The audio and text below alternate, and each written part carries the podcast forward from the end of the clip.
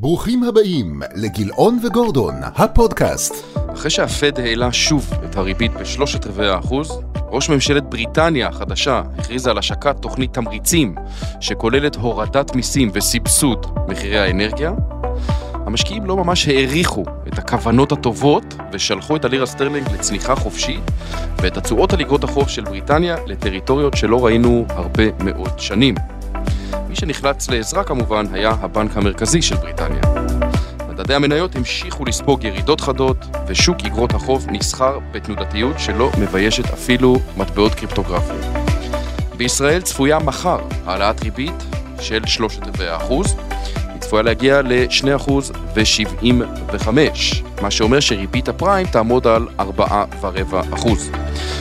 כל אלו ועוד בפודקאסט השבועי, שהפעם מצולם ממש לפני יום הכיפורים, והחלטת הריבית של בנק ישראל. דרור, שנה טובה, מה שלומך? שנה טובה נדב, מה שלומך אתה? בסדר גמור, תודה, איך היה לך בחג? היה נחמד, יש עוד חגים לפנינו. טוב, יש לנו אה, פרק קצר והמון מה להספיק לדבר, כן. הרבה דברים קרו. אה, בוא נתחיל, בוא כן. נעבור על הנושאים ב, בקצרה. כן. מכת האינפלציה העולמית ומסיבת העיתונאים האחרונה שקיים יושב ראש הפד, ג'רום פאוול. הדרמה שהייתה בבריטניה, גם עליה אנחנו נדבר. עליית המדרגה במתיחות בין רוסיה לבין מדינות המערב. החלטת הריבית מחר של בנק ישראל, האם אנחנו לקראת העלאת ריבית נוספת של שלושת רבעי האחוז. תשואות בארץ ובעולם שהמשיכו לעלות, האם הגענו לרמה של קנייה, ואם כן, איפה כדאי להתמקד, ומה לגבי שוק המניות. כן, יש מספיק ברבורים שחורים שמספיקים לשנה שלמה ואולי יותר. ואנחנו אה, כאן כל שבוע במסגרת האילוצים והחגים, אה, ובאמת משתדלים לעשות את זה אה, תכוף ככל הניתן. כן. הבנק הפדרלי כאמור העלה את הריבית בשלושת רבעי אחוז ושלח את, המשקיע, את המשקיעים להפסדים נוספים במניות ובאגרות החוב. מה כל כך הפתיע את המשקיעים? הרי העלאת הריבית לא הגיעה באיזושהי הפתעה. כן, אני חושב ששני דברים הפתיעו את המשקיעים. אחד, זה אה, הפרסום של תחזית חברי הוועדה המוניטרית לגבי הריבית העתידית. שנה הזאת, שנה הבאה, עוד שנתיים, שלוש וטווח ארוך. הם כבר העלו את הרף, הריבית שהם רואים בסוף השנה הזאת היא 4 אחוזים ו-3 עשיריות האחוז, שנה הבאה כבר הריבית עולה ל-4 אחוזים ו-6 עשיריות האחוז, ורק ב-2024 היא יורדת. אז דבר ראשון, יש את הצפי, מה המשקיעים, או לא המשקיעים, החברי ועדה המוניטרית, אלה שמצביעים, יש 19 חברי ועדה, מה הם חושבים שיהיה תוואי הריבית, והוא משמעותית יותר גבוה ממה שהם חזו לפני אה, רבעון. זה דבר ראשון. אוקיי, עכשיו אתה זוכר את ג'קסון הול, בוודאי. הנאום של שמונה דקות. שמונה דקות. אז הפעם היה נאום של 40 דקות, או יותר נכון מסיבת עיתונאים, שבה ג'רום פאוול ענה בסבלנות לשאלות של העיתונאים, וגם נתן בהתחלה איזושהי סקירה שלו. כמות הפעמים שהוא השתמש במושג שהאינפלציה הנוכחית מחייבת ריבית מרסנת לאורך זמן, אני לא יודע, יותר מעשר פעמים הוא השתמש במושג הזה, אפשר גם אה, אה, לשמוע. Inflation is running too high. It's running 4.5% or above. You don't need to know much more than that. If that's the one thing you know, you know that, that this committee is committed to getting to a you know, meaningfully restrictive stance of policy and staying there until, until we feel confident that inflation is coming down. אני רוצה רגע, אתה יודע, אני גם שמעתי את ה-40 דקות האלה, ותפס את, ה- את האוזן שלי משהו מאוד מעניין, שהוא אמר, Believe me, it will be enough. זה מזכיר הוא מישהו. אמר את המילים האלה, וזה לגמרי, בדיוק זה, זה הזכיר לי, בדיוק לפני עשר שנים אגב. כן. את מריו דרגי עוד לפני שהיה ראש ממשלת איטליה, כן. שגם זה הוא כבר לא, אה, היה הנגיד של הבנק האירופאי, וגם הוא אמר את זה. אז דרגי אמר את זה עם איזה חצי חיוך קטן, תקשיבו, זה יהיה מספיק מה שאני הולך לעשות כדי לשמור את גוש אולי האירו. נשמיע את זה רגע. כן. The ECB is ready to do whatever it takes to preserve the euro. And believe me, it will be enough. זה היה מריו דרגי ששמענו לפני עשר שנים, כן, ושמריו דרגי אמר את הדברים האלה, זה הצית רלי בשווקים, הוריד את התשואות בחדות של כל המדינות הבעייתיות, איטליה, ספרד, אירלנד, ופתח עידן חדש שנמשך כמה שנים של שווקים הרבה הרבה יותר יציבים, ואז בא בסוף, ה... בשבוע שעבר, פאוול, ואמר את המשפט הבא. The path that we actually execute will be enough. It will be enough to restore price stability. התגובה לאותו משפט? קצת שונה בשווקים. קצת שונה, הפעם פאוול מאוד מאוד מאוד חשוב לו להדגיש עוד פעם למשקיעים, חברים, לא תהיה הורדת ריבית או עצירה של העלאות הריבית עד שנראה את האינפלציה מגיעה ליעד 2%. אנחנו מאוד רחוקים משם. אני יודע שיש לזה מחיר, אמר את זה מלא פעמים, אני יודע שיש לזה מחיר אה, בצמיחה, אני יודע שיש לזה מחיר במחירי הנכסים שירדו, אני יודע שיש לזה מחיר בשיעורי אבטלה שיעלו, אני מבין, אבל בעיניי, הוא אומר, שוק העבודה עדיין חזק, וזה מחדד שהדגש העיקרי הופך להיות כרגע שוק העבודה. כל עוד שוק העבודה לא נשבר, לפחות נכון למסיבת עיתונאים שפאוול קיים לפני בערך עשרה ימים. אגב, ביום שישי הקרוב מתפרסמים אה, נתוני התעסוקה בארצות הברית שוב. נכון, וזה המפתח. עיני המשקיעים, עיני הכלכלנים, כולם אה, נשואות כרגע לנתוני העבודה בארצות הברית, כי זה נראה מה שבעיקר יכול לגרום לפד לשנות את המדיניות שלו. אם נתחיל לראות את שיעור האבטלה עולה בצורה משמעותית לכיוון החמישה אחוזים, אז אולי יהיה על מה לדבר, שתהליך אה, העלאת אה, הריבית נבלם, כי אז כנראה גם האינפלציה תיבלם. אם לא, אז הוא לא ייבלם. אני רוצה, עיני כל העולם נשואות הרי לנגיד הבנק המרכזי אה, האמריקאי, שהוא למעשה אה, קובע את המדיניות והשאר עוקבים אחריו בכל מדינות המערב, בעולם בכלל. האם זה לא קצת overkill? כי בארצות הברית באמת האינפלציה היא הרבה יותר עמוקה, היא גם חלחלה לשוק העבודה, לעליות בדרישות השכר וכולי. בישראל פחות רואים את זה, באירופה פחות רואים את זה, זאת אומרת בעיקר השפעה של מחירי האנרגיה שמאוד עולים, משבר גיאופוליטי, שגם על זה נדבר עוד פעם, שלא יהיה כל כך קל לתקן אותם אחרי הפיצוצים בנורדסטרים. האם זה לא קצת overkill בשביל שאר העולם, העלאות הריבית האלה? זאת אומרת, עוד רגע נגיע לזה, אבל כן. מחר גם החלטה של הנגיד כאן הישראלי, תראה, אני חושב שנתוני האינפלציה באירופה מדברים בעד עצמם, אנחנו מדברים על עשרה אחוז אה, אבל מאוד תלוי באנרגיה. גם אם אתה מסתכל על core inflation, אתה על ארבעה וחצי אחוז אינפלציה, זה המון המון אה, לגוש האירופאי, וכל הבנקים המרכזיים, וזו אחת הבעיות המרכזיות כרגע בשווקים. יש אה, לחיצת בלמים ממש בתזמון אחיד של בנקים מרכזיים משמעותיים בעולם, והדבר הזה מייצר לחץ, אז יכול להיות שזה overkill. אבל כרגע הבנקים המרכזיים זה הקו שהם תפסו, ושוב אני אומר, לפי מה שהבנק הפדרלי משדר, זה ייעצר כששוק העבוד, העבודה יתחיל להישבר, כן. אז בצ, בעצם, כדי שאנחנו נראה אה, את המשקיעים חוזרים להשקיע נניח במניות כי הם רואים את הסוף של העלאת הריבית, אנחנו צריכים לראות קודם מצב כלכלי רע, משמעותית יותר מהיום, שוק העבודה בארצות הברית עדיין מתוח, שיעורי אבטלה מאוד נמוכים, מספר התביעות אה, חדשות לאבטלה רק יורד עדיין, אז אנחנו ממש ממש אה, לא שם. ולפחות עד שיצוץ אולי משהו אחר, ראינו קצת רמזים שבוע שעבר בבריטניה, עד שיצוץ משהו אחר, אגב מרתק מה שקרה בבריטניה, נכון, נגיע לזה. נגיע לזה, באמת כן. מרתק. טוב, אני רוצה, רואים את התשואות באגרות החוב כן. בארצות הברית כבר משמעותית, מעל 4% בטווחים הקצרים והבינוניים, mm-hmm. על פי החוזים העתידיים, השוק והפד די מיושרים על ריבית של 4.5% בשנה הבאה. נכון. יש אגרות חוב בארצות הברית, אה, זה פתאום הפך למעניין.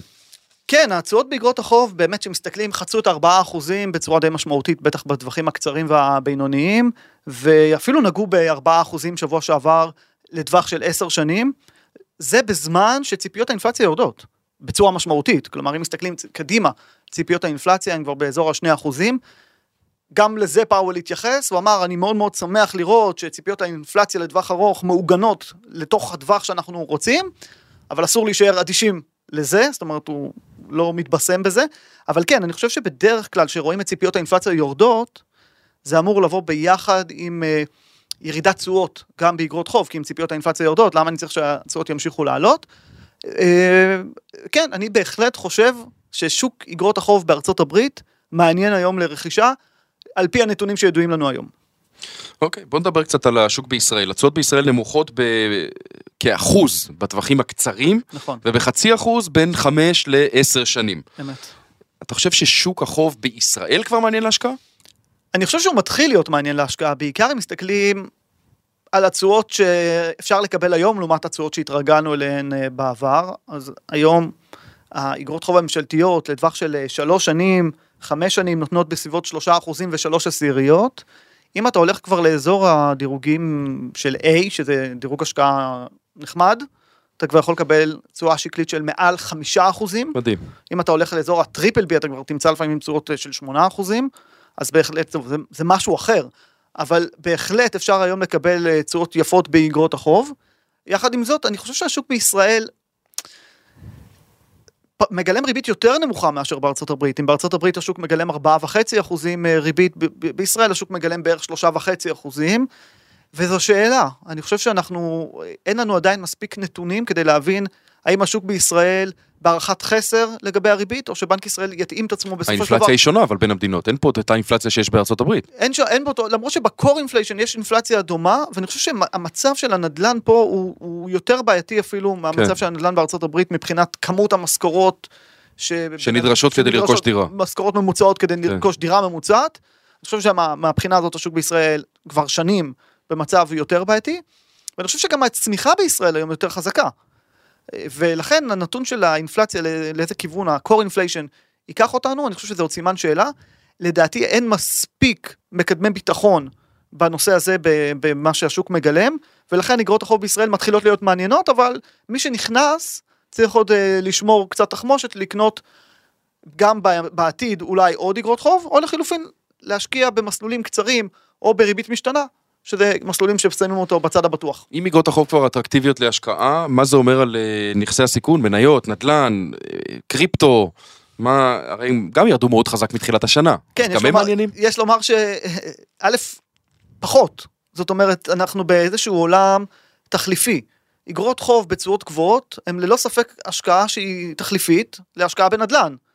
אם אני יכול לקנות איגרת חוב שמספקת לי, לא יודע מה, איגרת חוב, או מכשיר שעוקב אחרי איגרות חוב, שיכול לספק תשואה רבעונית, או תשואה חצי שנתית, אפילו תשואה שנתית, זה הכנסה שאני יכול ברמת סיכון מסוימת, חשוב להגיד, לא כל איגרת חוב, אלא איגרות חוב ברמת סיכון אבל- סבירה. בוודאי, אבל כשאתה משווה את זה למניות, גם שם יש סיכון ברור. יותר גבוה, או בקריפטו יש אה, סיכון יותר גבוה, וגם בנדל"ן, יש את הסיכונים של הנדל"ן. עכשיו, אנחנו רואים את כן שוק המניות, אני חושב שמדד המניות העולמי ירד בסביבות 27 אחוזים מתחילת שנה, זה המון למדד כזה, מדד כמובן הנסדק ירד יותר. השוק בישראל ירד הרבה פחות דרך אגב, כן. אבל אם מסתכלים על משקיעי מניות, אז אפשר להגיד לזכותם שלפחות המחירים היום יותר נמוכים בצורה משמעותית ממה שהם היו ב- ביחס לתחילת שנה. כן צריך להגיד שהתחזיות לצמיחה קדימה עדיין לא עודכנו כלפי מטה. זאת אומרת, זה, אתה אומר, כדי שהתשואות יתחילו להירגע, או שנתחיל לדבר על אה, הפסקת העלאות הריבית, אולי באופק גם ירידת ריבית, צריך איזשהו שינוי במצב הכלכלי. השינוי במצב הכלכלי אמור להוביל לפגיעה ברווחי החברות. זה כרגע לא ממש מגולם, בטח לא במדדים העיקריים S&P 500 למשל, שם כן. זה לא מגולם. מהמם. במדדים היותר קטנים, דרך אגב, כן. ולכן אני חושב ששוק המניות אה, לא מעניין, אבל מי שמשקיע, מי שמסתכל לטווח ארוך, יכול להיות שזו נקודה להתחיל אה, להגדיל חשיפה בצורה הדרגתית, אני צופה שעוד יהיו ירידות. שוק הנדל"ן, שים לב, בטח בישראל לא נפגע עוד בכלל. דיברנו על זה מספר פעמים, אני חושב שזה יגיע גם לשם. לא נפגע מצד אחד, מצד שני ראינו ירידה מאוד משמעותית בהיקף העסקאות, בלקיחת משכנתאות, זאת אומרת זה בהחלט. מבשר על מה, ש... על מה שהולך לקרות ומה שהולך לבוא. נכון. אני רוצה שנספיק, אה, בוא נעבור לדרמה ב- שהתחוללה כן. בבריטניה. אה, התנודתיות בשער הסטרלינג והתשואות של אגרות החוב הממשלתיות בבריטניה מזכירות שוק מתפתח, ולא את הכלכלה החמישית בגודלה אה, בעולם. כן, הכל התחיל בראש הממשלה החדשה ליז טראס, כן. שבא עם כוונות טובות להקל על האזרחים נוכח מחירי האנרגיה המאמירים, והיא החליטה להוריד מיסים נכון. ולסבסד ביחד עם זה, לקטום את הגובה של החשבון של מחירי האנרגיה שכל משפחה תשלם. מה הייתה תגובת השווקים? אז השווקים פחות התרשמו מהכוונות הטובות, או... תגובה יש- אגרסיבית מאוד. יש יאמרו פופוליסטיות של, אה, ש, של ליז טרס, אה, ראש ממשלה חדשה שבעצם ממשיכה מדיניות אה, די פופוליסטית, וזה משהו שקורה בבריטניה בשנים האחרונות, ובמדינות אחרות אה, בעולם. וכשאתה מסתכל על בריטניה, שגם ככה סבלה מלחץ על הלירה סטרלינג עוד לפני, ונמצאת היום במקום שהיא יותר תלויה ביבוא מאשר בייצור, ובמיוחד זה בא לידי ביטוי במחירי האנרגיה שמרקיעים כן. שחקים בבריטניה. עם אה, סיפור מאוד מעניין בשוק המשכנתאות שם, שאתה גרת בבריטניה, אז אני לא יודע אם יצא לך לרכוש שם דירה, אבל אני מבין שהמשכנתאות בבריטניה, חלק גדול מהם זה כאילו ריבית קבועה לחמש שנים. כן. בניגוד לארצות הברית, ישראל, שלוקחים משכנתאות 20-30 שנה, ואז אתה מקבע את הריבית לטווח מאוד מאוד ארוך. אז מה קרה למי שלקח אה, משכנתה ב-2017 בריבית של 2%, ועכשיו צריך לחדש אותה בריבית של 6%, זה מכה רצינית. אה, שהולכת רצינית מאוד. נכון. ולתוך המקום הזה שהבנק המרכזי שם עם אינפלציה של 10% מתחיל להילחם וללחוץ על הבלמים, בא ראש ממשלת אה, בריטניה ואומרת, "אה, בוא עכשיו נעשה תוכנית פיסקלית מרחיבה, כלומר, שזה בניגוד. מוחלט למה שלפני כמה שבועות הבנק המרכזי הבריטי הפסיק את ההרחבה הכמותית והתחיל דווקא אה, למכור את תקרות החוב שהוא רכש, במשך- הממשלתיות שהוא רכש עוד במשך לא, הרבה עוד לא זמן. התחיל, אבל הוא שם תאריך יעד להתחיל לעשות את כן. זה, זאת אומרת, זה היה הצפי שלו, והצעד הזה בניגוד מוחלט למה שהיה. נכון. ואז ראינו תגובת אה, מספריים כזאת, שמצד אחד הפאונד צולל, מצד שני התשואות אה, אה, עולות מאוד מאוד חזק אה, כלפי מעלה, ו, וזה יצר מצב מאוד מפתיע, אה, לפחות חלק מהמשקיעים, כי פתאום בא הבנק המרכזי בבריטניה והודיע על זה שהוא הולך לרכוש כל כמות של אגרות חוב כדי להחזיר את היציבות. וטוב שהוא עשה את זה. ואז אנשים קצת הרימו גבה, לא הבינו מה הטעות הגדולה שהוא עושה, מצד אחד הוא, לא, הוא מעלה את הריבית, לוחץ על הבלמים, ומצד שני הוא פתאום עושה QE עוד פעם. כי הוא מגיב להחלטה, זה בדיוק ההבדל בין מוניטרי לפיסקלי, זאת אומרת, הבנק רוצה משהו אחד, הממשלה רוצה משהו אחר, יותר פופוליסטי, כן. יותר בסגנון מרגרט תאצ'ר, שאגב אני קראתי על ליסטרס הרבה, אגב הייתי גם בלונדון בזמן ההודעה הזאת, הייתי שם בכנס מקצועי, וזה היה מאוד מעניין לראות את התגובות, אנשים לא כך הבינו מה קורה, ובאמת זה מחייב את הבנק לפעול לפי הצעדים של הממשלה, ולשנות קצת את המדיניות שלו. אני חושב שמה שגרם לבנק לעשות את זה, זה לא רצון לרצות את הממשלה או ליישר את הקו, אלא זה כמעט קרנות זה היה הפנסיה הכרחי, הם כמעט קרסו. כמעט קרסו. אולי תגיד על זה שתי מילים אז מה אני היה? אגיד שקרנות הפנסיה בבריטניה זה דבר אה, גדול, הם 120% מהתוצר הבריטי, וזה שוק, הרי הכלכלה... טריליוני פאונדים אגב. כן, וזו כלכלה מאוד מאוד מפותחת מבחינה פיננסית. עכשיו, ככלכלה מפותחת מבחינה פיננסית, הקרנות פנסיה, יש להם התחייבויות ארוכות לשלם פנסיה בסופו של דבר. אז הם ניסו לגדר את עצמם כנגד אה, על ה- ירידת ריבית. מהמם. אז הם עשו מה שנקרא סוופ. סוופ זה החלפת ריבית בריבית. אתה מתחייב למשל אה, לקבל זרם תגמולים בריבית קבועה ולשלם ב- כנגד ריבית משתנה. עכשיו, מה זה עושה? זה מאפשר לך לא לקנות את האגרות חוב בפועל, אלא לשמור את כל הכסף הזה ולהשקיע אותו במניות, להשקיע אותו בנדל"ן, להשקיע אותו בנכסים אחרים, ואתה רק מתחשבן על ההפרשי ריביות. אז מה קרה? וההפר... וההתחשבנות הזאת מכריחה אותך לשים ביטחונות. ברור. מה הביטחונות שבדרך כלל שמים? אגרות חוב ארוכות. האגרות חוב ארוכות, אני מדבר על אגרות חוב של 30 ו-50 שנה של ממשלת בריטניה. ברגע ההודעה על הורדת המיסים, כן, אבל הם ירדו, תשואות עלו בצורה משמעותית. אה, מבחינת שווי, אגרות חוב ירדו בסביבות 60 אחוז. חסר תקדים. כן, בתקופה מאוד מאוד קצרה. באו הגופים הפיננסיים לקרנות פנסיה ואמרו, אוקיי, יש פה מה שנקרא מרג'ין קול, תגדילו ביטחונות. עכשיו, מה הביטחונות? האגרות חוב. אז מה, יש לך שתי אפשרויות. או שאתה מוכר אגרות חוב ומביא מזומנים, או שאתה סוגר את הפוזיציות, בכל מקרה, אתה רק או מוכר מניות או כל דבר אחר, וזה רק העצים את המגמה, והייתה סכנה שקרנות הפנסיה יגיעו לחדלות פירעון, ואז הבנק המרכזי של התערב. אנגליה התערב, הציל את המצב. הציל את המצב, ראינו ירידת תשואות מטורפת, זאת אומרת, אנשים שקנו אגרות חוב ל-50 שנה, אה, רגע לפני ההודעה עשו תשואה של מעל 100 אחוז בכמה דקות. מדהים. כן, מדהים. והעסק קצת נרגע לכמה ימים. עכשיו, הבנק המרכזי של אנגליה אמר שזו התערבות זמנית, אמנם בכל הסכום שנדרש, הוא הגביל אותה גם לאיזשהו תאריך, נכון? כן, אבל הוא הגביל אותה ל-12 אה, לאוקטובר, כן. או 12 או 14 לאוקטובר, אבל זה ייגמר. ואז נשאלת השאלה, מה יקרה אחר כך? סביר מאוד להניח שהזמני הזה יהפוך אה, לקבוע, או שנצטרך למצוא פתרון אחר. אפשר להשליך ממה שקרה באנגליה גם על אה, מדינות אחרות? אז זה החשש. אז אה, אני עשיתי כמה טלפונים לחברים מהגופים המוסדיים, להבין אם דבר כזה למשל יכול לקרות אה, גם בקרנות הפנסיה בישראל.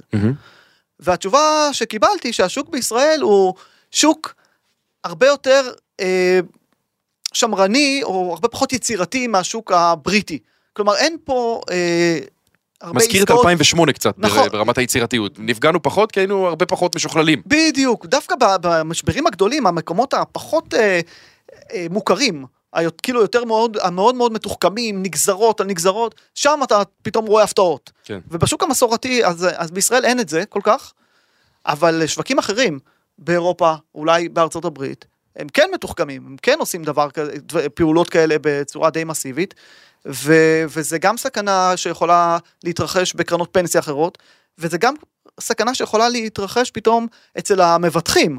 למשל, אתה רואה עלייה ב, ב, ב, ב, ב, בביטוחים, מה שנקרא CDS, ביטוחי חדלות פירעון, על קרדיט סוויס ועל דויטשה בנק. אנחנו רואים את ה-CDSים שלהם עולים בצורה משמעותית. קרדיט סוויס אגב ירדה למעלה מ-50% מתחילת שנה. אז יפה. אז, אז זה תמיד מחזיר אותנו לאותה נקודה. מצד אחד, יש הזדמנויות. אתה רואה את שוק האג"ח, הוא מעניין היום לקנייה, נקודה. שוק המניות ירד 30 אחוז, זה מתחיל לדקדק, לפחות אם אתה מסתכל היסטורית, אתה אומר, מי שקנה במינוס 30, בדרך כלל לאורך, לאורך זמן עשה רווחים יפים. וזה עוד פעם בא עם חבילת פחדים תמיד זה ככה. מלאה. זה תמיד הולך ביחד, זה לא יכול לקרות בלי זה. בדיוק. זה כנראה המתכון. קשה להתעלם מהרלי של הדולר, אני רוצה שגם עליו אנחנו אה, נדבר, עלה ביותר מ-15% מתחילת השנה. זה אחרי שבשנה שעברה אנשים כבר ממש היו אה, בטוחים, התייאשו, אמרו, הדולר ירד מתחת לשלושה שקלים, כן. אה, והנה אנחנו רואים שקרה בדיוק ההפך. איך היית מציע לשלב אותו בתיקי ההשקעות? ומה אתה חושב, למרות רמות המחירים הנמוכות, עדיין כדאי להחזיק את הדולרים? אז זה דיונים שיש לנו במשרד מדי פעם, והמסקנה היא כזאת, אנחנו, ברור לנו שהדולר מתחזק בעיקר אם המניות יורדות בעיקר בארצות הברית, והן יורדות, והמגמה היא כנראה מגמה עדיין שלילית. אגב, יש פה, זה לא רק הגופים המוסדיים שמשפיעים על שער הדולר, זה גם ריצה של כולם למקומות יותר בטוחים, והמקום הבטוח ביותר זה נניח איגרות החוב הממשלתיות האמריקאיות, שמקבלות הרבה מאוד כסף. כן, אני חושב ש... אני חושב שבעולם אנחנו רואים עכשיו תופעה שהדולר מתחזק אפילו יותר מבישראל מהמם. מול אה, מטבעות אה, רבים, אפשר להבין. אפשר להבין. יש פה היום תופעה הפוכה, כי הרי ברגע שמטבע ש- המטבע שלך נחלש, נגיד השקל נחלש, זה מייבא אינפלציה. מהמם.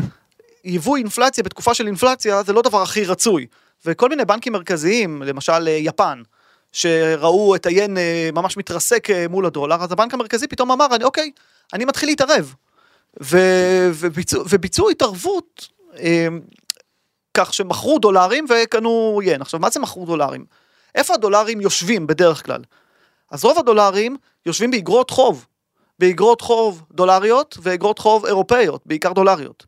אז אם רוצים עכשיו למכור אה, דולרים ולקנות ין, ואני צריך למכור את הדולר, אני צריך דולר. מהמם. אז אני צריך למכור עכשיו משהו שאני מחזיק, אז זה יכול לטות, ל- ל- לייצר לחץ על אגרות החוב. בינתיים, הם לא מכרו עדיין אגרות חוב, בטח לא בצורה משמעותית, הם כן השתמשו בכסף שנמצא במה שנקרא בחשבונות עו"ש, אבל זה דבר שקיים. אז אני אומר, גם ישראל היום נמצאת במקום שהתחזקות הדולר מייבאה אינפלציה, גם שווייץ, גם אירופה, בכל, גם יפן, זאת אומרת רוב המקומות בעולם, וזה מתחיל להיות אה, בעיה. אני כן חושב שהדולר, אם אנחנו מסתכלים לאורך זמן, ואנחנו מדברים על המתאם ההפוך הזה בין שוק המניות לדולר, אז לאורך זמן אתה יכול להגיד, הדולר יחזור וייחלש, כי שוק המניות יחזור ויעלה. ואולי. אבל השאלה מה זה אורך זמן. מהמם. אנחנו, אה, רוב, אני חושב שרוב האנשים שעובדים במערכת הפיננסית היום, הם אנשים שלא חוו משברים באמת. זאת אומרת, גם אם נסתכל על 2008, הירידות בשוק המניות היו קצרות, זה היה צורה של V. הייתה ירידה כמה חודשים, אחרי כמה חודשים טיסה. על 2020, אני אפילו לא קורא לזה מגמה שלילית, זה ממש כמו פלאש קרש כזה, זה היה ירידה של חודש ובאפריל כבר שוק התחיל לעלות. קורונה כמובן. כן, בקורונה. אני זוכר שאני התחלתי לעבוד, זה היה ב-2002, התחלתי לעבוד באקסלנס, וראיתי, זה כבר היה אחרי שנתיים של ירידות, ויצא לי לחוות עוד איזה שמונה חודשים בערך של אה, ירידות שערים, זאת אומרת, שוק רע יכול להימשך כמה שנים. ובכמה שנים אתה חייב נכסים שיוכלו לתפקד ולהניב רווחים גם אם שוק המניות, דרך אגב הוא לא ממשיך לרדת, אבל הוא פשוט לא עולה. הוא עולה יומיים, יורד שלושה ימים, אחר כך עולה, כן. בקיצור מת- מדשדש. וזה משהו שיכול להיות. ולכן אני חושב שהחזקה הדולרית צריכה להיות בסביבות 15% מתיק השקעות, מי שיש לו השקעות טובות אז הוא יכול גם יותר, אבל חשוב מאוד שזה לא יהיה השקעה כדולר בדולר, סתם, להחזיק דולר. א', יש ריביות היום על הדולר, ודבר שני, יש השקעות. ואם אני כבר הולך על דולר, אני הייתי מעדיף את הדולר להשקיע במה שנקרא השקעות אלטרנטיביות, כי שוב, בהמשך למה שאמרתי לך, אז יש את אגרות החוב, אפשר לקבל חשיפה אליהם בשקלים, וזה, וזה אחלה. אלטרנטיבי זה רחב, במה בדיוק באלטרנטיבי? אז אני חושב שהרבה מאוד השקעות אה, אלטרנטיביות, יש כל מיני סוגים, אבל אני לא... אני כן אגיד שחשוב מאוד שההשקעות האלטרנטיביות יהיו אלטרנטיביות לשוק המניות, ואם אפשר גם האג"ח, כי יש כל מיני מצבי עולם, ובדיוק המקום של ההשקעות האלטרנטיביות זה להכין אותנו למצבים כמו שראינו מתחילת שנה, ששום דבר לא פוגע. ואז יש לך את הדולר שמגן עליך מצד שני, ואת ההשקעות האלטרנטיביות, שזה יכול להיות אה, אפילו חוב בכיר, זה, זה הקלאסי. תשתיות, תשתיות, private equity, כל מיני דברים שהם אלטרנטיביים. litigation. כן, אני חושב שיש אה, הרבה מאוד אה, אפשרויות השקעה אלטרנטיביות, תלוי מה רמת הסיכון, תלוי מה, אבל אני אומר, בדולר עדיף שהשקעות, אה, שיהיו השקעות קודם כל, בסדר? שלא סתם יישב דולר בחשבון הבנק. דרך אגב, גם אין שום היגיון היום להחזיק הרבה שקלים בחשבון הבנק, וגם בשקלים יש פתרונות גם בשוק ההון וגם בעולם האלטרנטיבי, כמו שציינת קודם, קרנות אה, שעוסקות במימון תביעות משפטיות, אה, וגם חוב. בכיר, כן. וכל מיני דברים אחרים שאפשר להיכנס אליהם גם בשקלים. אוקיי, אני רוצה לשאול אתכם, אתה רוצה להוסיף משהו? אני רוצה להוסיף שאנחנו לפני יום כיפור. שמי שצם שיהיה לו צום קל, קבעתי יותר אה, בצד המקצועי, אבל בסדר גמור. ומי שצם שיהיה לו צום קל, מועיל.